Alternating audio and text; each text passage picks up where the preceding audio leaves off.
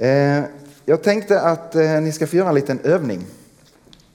Den är mycket, mycket enkel, eh, men väldigt, väldigt värdefull. Du ska få se dig runt om i lokalen och så titta på någon granne som du sitter och så. Du behöver inte känna dig uttittad nu, men, men det är fantastiskt att få stå här och se er. Och så får ni bara se på mig. Det är ju ett jätte...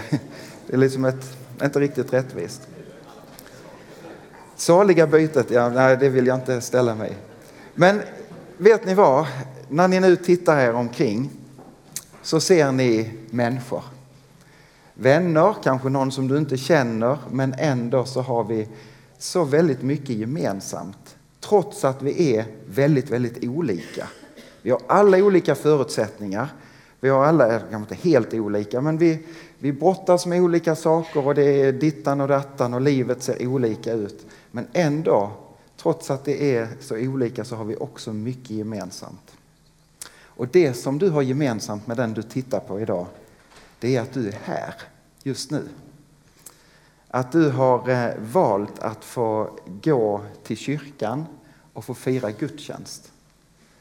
Och det är någonting som du har gemensamt med alla här i den här lokalen idag. Men som du också har gemensamt med väldigt många människor faktiskt i vårt land. I vår stad, runt om i kommunen, i landet men också över hela vår jord. Också den här söndagen så är det många människor som söker sig till, till kyrkan och till gudstjänsten.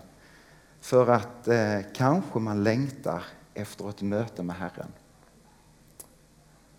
Det kan ju vara lätt att tänka så att ja, men detta är något som vi har kommit på. Att jag vet ju inte hur du vaknar i morse om du, liksom, ja, men du hade bestämt dig långt innan eller det är en god vana du har lagt dig till med. Att ja, men jag åker till gudstjänsten eller det är något annat som pockar på just idag. Men egentligen så skulle man kunna säga så här att vi alla egentligen bara har gensvarat på en Guds inbjudan och en Guds kallelse. För det börjar någonstans alltid där hos honom. Han har en längtan efter ett möte med dig och därför så inbjuder han till möte på olika sätt men också i den här formen. Så jag hoppas att du är här med en förväntan och en längtan på vad Gud kanske har i beredskap för just dig idag. Och det, är, det är en speciell söndag. Vi hörde ju Rebecka sa det att vi, vi är, gör en, liksom en en utflykt kan man faktiskt säga i, efter, efter gudstjänsten ut till Starby. Ni som nu är gäster i, i bygderna och inte vet, ja, det räcker att bo i Ängelholm och så vet man inte var Starby är. Det, det är verkligen utanför eh, Ängelholm. Eh, men det är relativt lätt att hitta dit. Alla är välkomna dit att få fortsätta faktiskt nästan gudstjänsten och gemenskapen med att få göra resan till Jerusalem eller får göra resan till det heliga landet i den formen. Eh, och så får den hänga ihop med, med gudstjänsten här. Så vi inleder och så har vi möjlighet att få, få fortsätta eh, gudstjänsten i den formen. Därför jag tyckte det var väldigt passande att den här söndagen har en gammaltestamentlig text som knyter an till att den här Stunden här och stunden i Staby får hänga samman. Det är nämligen hämtat ifrån Andra Mosebok kapitel 3. Och där får vi möta berättelsen om Mose. Han som tillhörde ett folk som flydde det heliga landet för att det var hungersnöd. De flydde till Egypten och blev räddade där men kom över åren att bli förslavade i Egypten och led liksom svåra kval. Och Mose som föddes i den här vad ska säga, fångenskapen, han blev räddad som barn eh, genom Guds omsorg och kom att bli räddad så att han fick växa upp i faraos närhet och i palatset och i liksom maktskiktet om man säger i Egypten. Mose han får i alla fall veta att han tillhör det här folket som som hade flytt och som, som levde under de här svåra förhållandena i Egypten. Och när han var ute och gick en dag så, så såg han en egyptisk soldat som gav sig på en av sina landsmän Och det var en vrede tändes i Mose så han, liksom, han kastade sig in i det här bråket och det slutade med att han faktiskt hade ihjäl Egyptiern. Och då blev Mose rädd. Så att han tänkte, ja men får farao reda på detta så kommer det gå illa för mig. Och så gjorde han så som vi människor ofta gör när vi blir rädda. Han flydde. Han som tillhörde ett folk som hade flytt, han flydde själv ifrån Egypten och kom till Midjans land. Där mötte han en familj som han började slå följe med och fick gifta sig med en av döttrarna i det, det hemmet. Och så kommer vi in i Andra Mosebok kapitel 3. Och jag tänker vi kan gott läsa hela det stycket. Det orkar vi med va? Ja, härligt. Jag ställer mig här nere vid så kan ni lättare se för jag tror det kommer på, på väggen också. En gång när Mose vaktade fåren åt sin svärfar Getro, prästen i Midjan, så drev han dem till andra sidan öknen och kom till Guds berg Horeb. Där visade sig Herrens ängel för honom i en eldslåga som slog upp ur en törnbuske. När Mose såg att busken stod i låga utan att brinna upp så tänkte han, vilken märklig syn. Jag måste gå dit och se varför busken inte brinner upp. Då Herren såg att han gick för att se efter så ropade Gud till honom ur törnbusken Mose, Mose. Han svarade, ja, här är jag. Herren sa, kom inte närmare, ta av dig dina skor, du står på helig mark. Och han fortsatte, jag är din faders, Gud, din faders Gud, Abrahams Gud, Isaks Gud och Jakobs Gud. Då skylde Mose sitt ansikte, för han vågade inte se på Gud. Herren sa, jag har sett hur mitt folk plågas i Egypten. Jag har hört deras klagorop över sina slavdrivare. Ja, ja, jag vet vad de får lida. Därför har jag stigit ner för att befria dem från egyptierna och föra dem från Egypten till ett land som är rikt och vidsträckt och som flödar av mjölk och honung. Det land där du nu bor, kananéer, hetiter, amoreer, perisier, oj, hevier och jevuséer. Nu har israeliternas klagorop nått mig och jag har själv sett hur egyptierna plågar och förtrycker dem. Så gå nu, jag sänder dig till farao och du ska föra mitt folk, israeliterna, ut ur Egypten. Mose invände, hur skulle en sån som jag kunna gå till farao och föra israeliterna ut ur Egypten? Gud svarade, jag ska vara med dig och detta är tecknet som ska visa att det är jag som har sänt dig. När du har fört folket ut ur Egypten ska ni hålla gudstjänst på detta berget.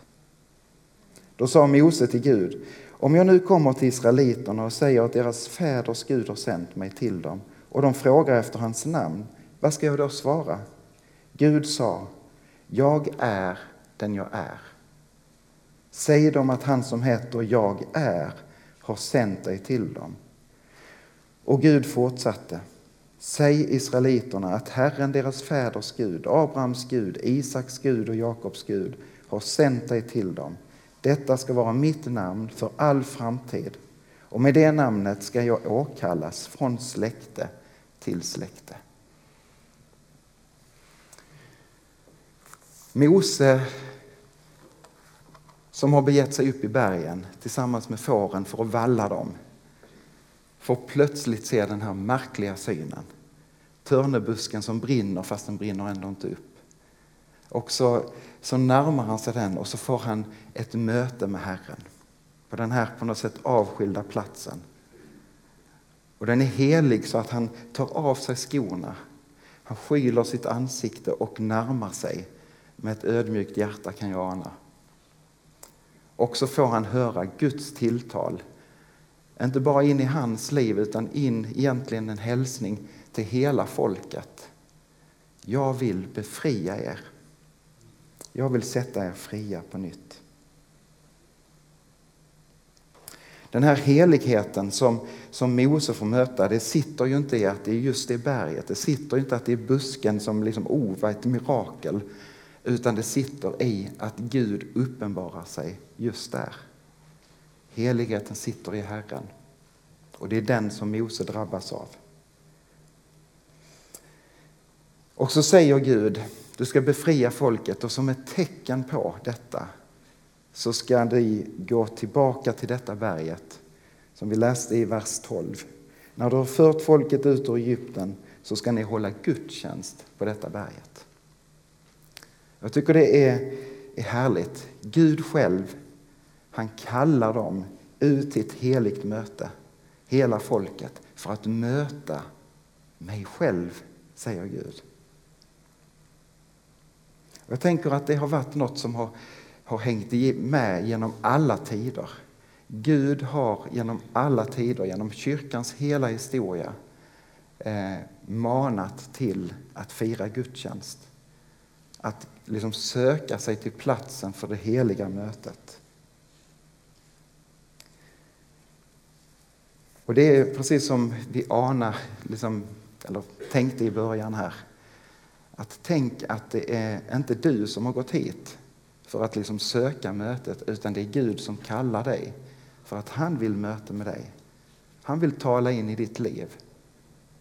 Och så helt plötsligt, ja just det, vad ligger på ditt hjärta Gud? Vi får ju naturligtvis komma med det som ligger på vårt hjärta. Gud är intresserad av det. Du får göra alla dina önskningar kända inför Herren. Alla dina svårigheter och så. Men där är någonting som också har den här tonen, att Gud har någonting för dig. Och måtte det göra oss nyfikna och hungriga. Gudstjänsten har alltid varit ett viktigt nav i kyrkan. Och platsen där vi tillsammans får tillbe, där vi tillsammans får liksom läsa ordet och stanna upp inför för Guds tilltal och på något sätt vara till för varandra. Tänk också att vi skulle få läsa de fantastiska orden från Saltaren 84.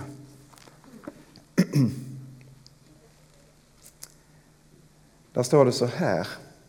Ljuvlig är din boning, Herre Sebaot. Jag förtärdes av längtan till Herrens förgårdar. Och nu jublar min själ och min kropp mot den levande guden. Sparven har funnit ett rede och svalan ett bo för sina ungar. Dina altare, Herre, Sebaot, min konung och min Gud.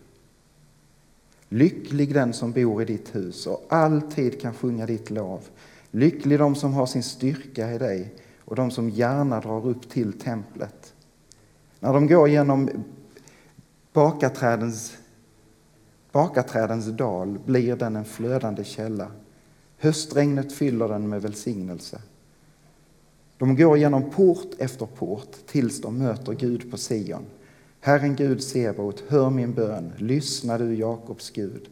Ge akt på vår sköld, o Gud. Se i nåd till din Smorde. En dag på dina förgårdar är bättre än tusen dagar där hemma. Jag står hellre vid tröskeln i min Guds hus än att jag bor i de gudlösas tält. Herren Gud är sol och sköld. Herren ger nåd och ära och de som lever ostraffligt vägrar han ingenting gott. Herre Sebaot, lycklig den som får trösta på dig. Psalmisten liksom bara uttrycker den här glädjen att söka sig till templet. Längtan att liksom jag förtärs nästan om jag inte får gå in i det där mötet. Och någonstans att söka sig den avskilda platsen. Gud är ju inte begränsad av tid och rum. Och vi har firat pingsten som, som liksom säger att ja, men vi är templet där Gud har tagit sin boning. Så där du går fram, där går du också fram tillsammans med Gud. Gud är inte beroende av den här lokalen. Men kanske den är en hjälp för oss. Vår önskan är att den här platsen skulle vara en avskild plats för möte med Gud.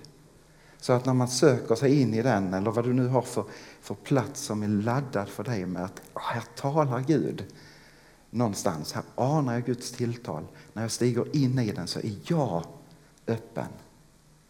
Gud är inte begränsad av den platsen, men vi kanske behöver den. Så jag tänker att det är gott att söka sig den goda vanan att söka sig till gudstjänsten. Det har varit en maning från Herren genom alla tider. Jag gillar när Rebecka hon sa här innan att jag leder mötet idag. Eh, det är ju också ett annat ord för gudstjänsten, möte. Kanske inte används lika frekvent, det vet jag inte. Det är kanske lite olika i olika traditioner och så. Men jag är väldigt förtjust i det här ordet möte. Jag får gå till möte idag. Och det är ett möte på många plan kan man tänka sig. Det är ett möte med varandra, precis som vi tittar på varandra. Vi, vi kommer tillsammans och det är någonting att få be tillsammans, få lovsjunga tillsammans, att få söka tillsammans. Och när Paulus han talar om nådegåvorna i sina brev så gör han det i anslutning till att han talar om kyrkan, om församlingen som en kropp där alla delar är med och bär varandra. Från första Korinthierbrevet 14 till exempel så står nu så här. Vad innebär nu detta bröder? Jo, att när ni samlas har var och en något att bidra med. Sång, undervisning, uppenbarelse, tungotal eller uttolkning. Men allt ska syfta till att bygga upp. Så när du kommer så är det liksom också, ja men oj, hur kan jag vara till, till hands för någon annan i mötet med varandra? På ett annat plan så är det ett möte med mig själv, eller med dig själv. Att få sitt liv speglat utifrån Guds ordet, det gör någonting med oss. Att få höra sanningarna om hur Gud ser på ditt liv gör någonting med oss. Jag, jag vet inte hur det är, men för mig är det fantastiskt varje gång jag får höra någon som, som påminner mig om att Gud älskar dig. Och Gud vill ditt liv och han, han har en plan och en tanke som du bara kan få, få stiga in i och leva i.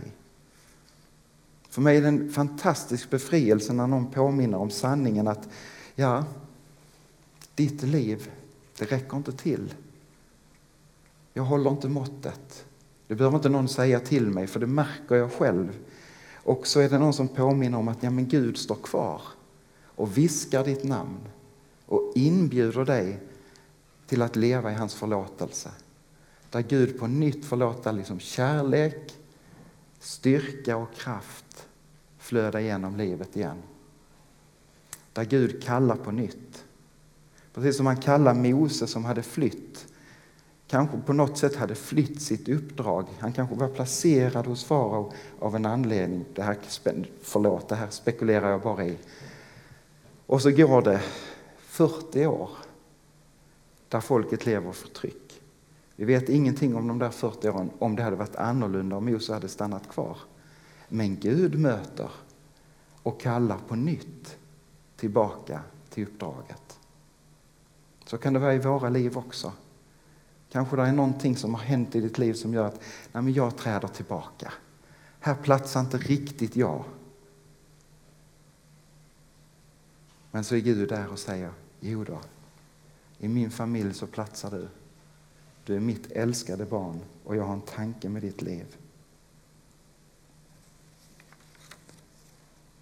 Så i det här mötet med oss själva, där Gud liksom börjar viska in sina hälsningar, så är det, tror jag, alltid en ton av en kallelse att gå och befria folket. Gå med hälsning ifrån mig att jag vill befria folket. Det här har jag inga djupare belägg för än min egen tanke, men jag tror att ett sekulariserat samhälle som vi har varit drabbade av under lång tid faktiskt tyvärr påverkar vårt samhälle. Och vår tid har ett behov av Guds tilltal in på bred front. Och det för oss till den tredje nivån när vi firar gudstjänst. Jag går till mötet för att vi får möta varandra. Jag får möta mig själv och jag får möta Herren som, som vill tala in. Men så tror jag också att Gud manar folket att samlas till gudstjänst, till bön och åkallan, till förbön och annat för att det gör skillnad i världen. Det gör skillnad i den här tillvaron. Jag tror att det gör skillnad i Ängelholm att du väljer att gå på gudstjänst. Det gör skillnad i vårt land. Vad skulle hända om alla kyrkor stängde, att förbönen tystnade totalt i det här landet. Tyvärr så har den hämmats, kan vi tycka, av den här sekulariseringens liksom, tendenser. Men måtte vi vara del av ett folk som inte slumrar utan som fortsätter att be. Herre, ske din vilja. Låt ditt rike komma. Tonerna från Herrens bön själv. Det behöver det här landet.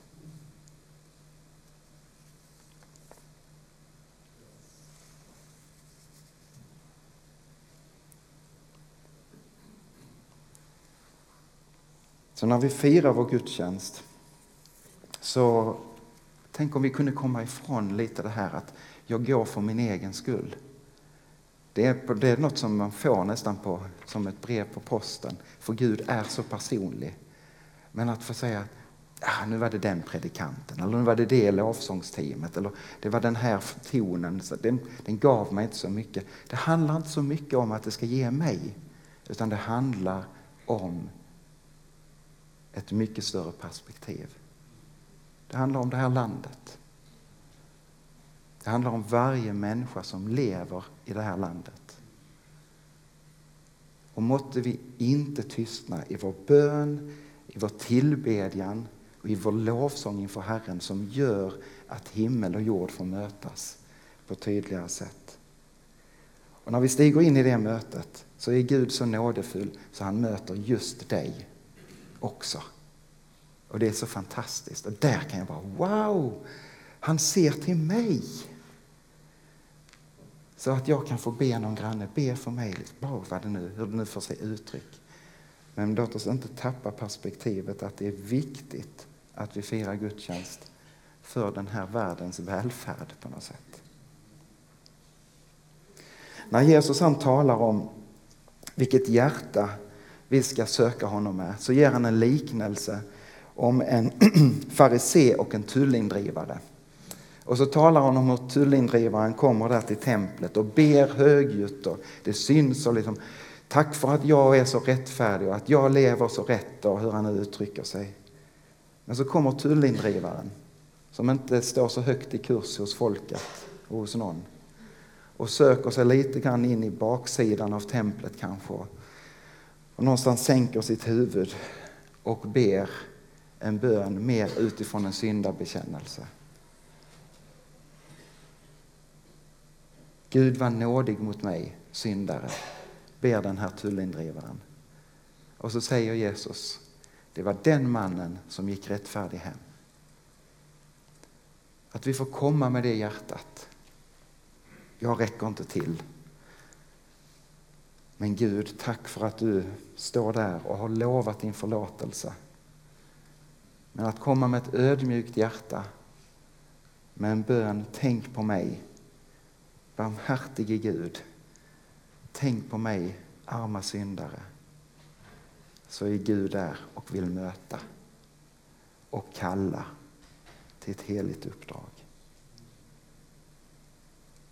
Vi kan komma nära Jesus för att han kom nära oss.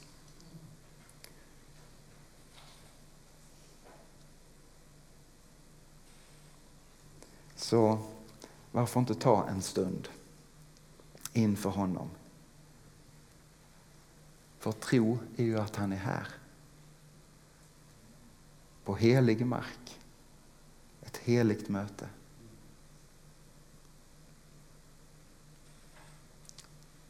Vi ska sjunga några lovsånger. Och eh, ta din stund med Herren.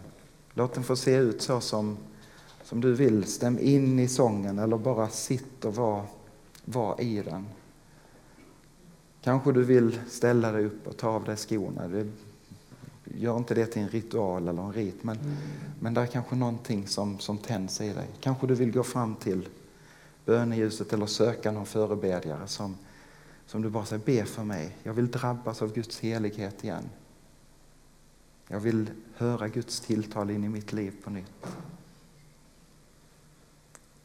För han är här och han vill möta med just dig. Ska vi bara stå upp tillsammans, sen har du fri att sätta dem, så kan vi väl bara be En kort bön tillsammans.